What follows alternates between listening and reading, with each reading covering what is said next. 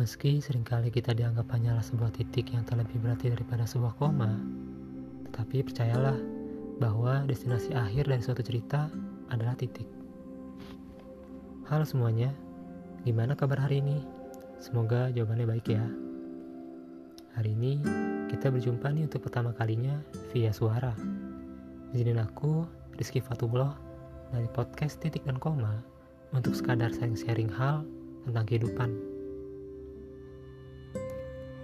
Mungkin dari kalian sering kali merasakan ketika kalian berada di suatu keramaian, di mana di sana sedang banyak orang-orang yang kalian anggap adalah seorang teman, tapi justru kalian malah merasa kesepian.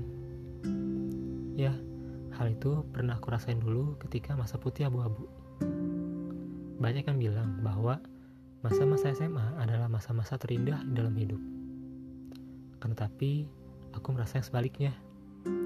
Bagi aku, saat itu Masa-masa SMA adalah masa-masa terkelam di dalam hidupku. Kenapa begitu? Itu karena aku terjebak dalam sebuah sirka pertemanan yang bagi aku sangat toksik sih di kala itu. Bayangin aja, ketika mereka lagi kumpul dan aku juga ikut bersama mereka, tetapi mereka tidak pernah tuh mengajak aku bicara duluan sedikit pun. Di saat mereka sedang membicarakan sesuatu, tapi aku yang adalah bagian dari sikap pertemanan mereka sendiri, malah tidak tahu apa yang sedang mereka bicarakan saat itu. Itu rasanya kayak sakit banget gak sih? ya itu sama aja artinya ada pembicaraan yang mereka angkat tanpa mengajak aku di dalamnya. Padahal saat itu, aku juga adalah bagian dari circle pertemanan mereka. Aku hadir di sana juga karena mereka yang ngajak, bukan karena aku yang ingin.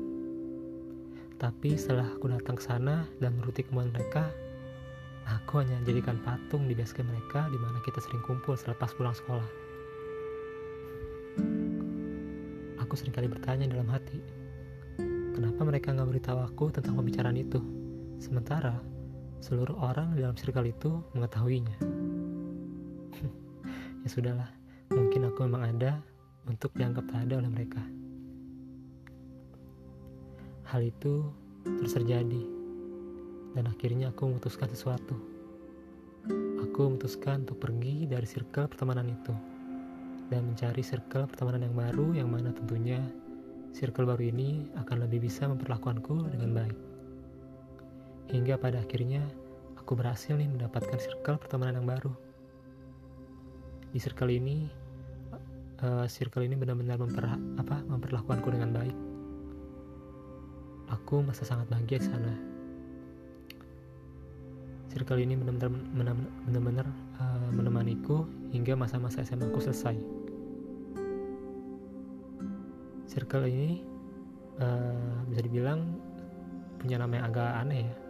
Waktu itu ya biasalah baca-baca SMA kan. Namanya jangkrik. Kenapa jangkrik ya nggak tahu karena waktu itu ada satu orang yang nyeletuk itu loh di kelompok kita. Uh, dia bilang nama kelompok ini jangkrik ya akhirnya kita setuju-setuju aja gitu. Nah isinya itu terdiri dari empat orang. Tiga orang pria yang termasuk aku dan satu orang dan satu orang itu wanita. Mungkin kalian bilang loh kok cuma berempat? Sedikit banget ya? Iya emang emang sedikit banget temanku. Ya tapi jujur aku seneng sih. Bagiku aku lebih seneng punya teman sedikit. Tapi benar-benar peduli sama aku daripada punya banyak teman tapi cuma sekedar teman. Dan mereka nggak pernah nganggap aku ada sebenarnya. Nah jika kalian ada di posisi aku saat itu apa yang akan kalian lakukan? Menetap atau pergi? Aku harap kalian memilih yang kedua ya. Pergi. Ya benar pergi. Pergilah. Pergi dari circle yang sangat toksik itu. Buat apa kalian berada di satu tempat jika hanya untuk dianggap tak ada. Berhentilah untuk sekadar menyenangkan hati mereka yang justru hanya akan membuat hatimu terluka. Hei, kamu itu berharga. Sangat berharga lebih dari apa pun. Jika kamu merasa tak nyaman di sana, maka tinggalkanlah. Carilah lingkungan baru yang lebih bisa menghargaimu. Mereka lah yang seharusnya kamu jaga. Jadi, mulai sekarang, aku harap kalian lebih bisa memprioritaskan diri kalian sendiri daripada orang lain. Tapi bukan berarti aku bilang bahwa kalian tidak boleh peduli dengan orang lain ya. Bukan, sama sekali bukan itu maksudku. Tapi, maksudku adalah kalian lebih bisa memprioritaskan diri kalian sendiri daripada orang lain. Jika kalian merasa tak nyaman dengan satu lingkungan, maka tinggalkanlah dan carilah lingkungan yang baru yang mana orang-orang di dalamnya lebih bisa menghargaimu ketika kau ada di sana.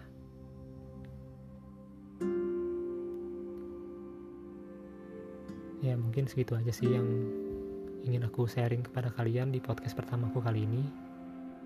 Sorry banget kalau tema pertamanya langsung berasa berat banget bahasannya. Tapi emang aku udah fix sih pengen jadiin tema ini tuh jadi tema pembuka dari podcastku. Ya udah mungkin segitu aja. Uh, aku harap kalian semua sekarang baik-baik aja ya. Stay safe semua, jangan lupa selalu pakai masker bila hendak berpergian Selalu cuci tangan selepas memegang sesuatu dan yang paling penting adalah jangan per, jangan pergi keluar rumah kalau hanya ada hal penting. Ya udah mungkin segitu aja. Uh, aku Rizky Fatwa pamit undur diri. Sampai jumpa di episode selanjutnya dari podcast Titik dan Koma. See you.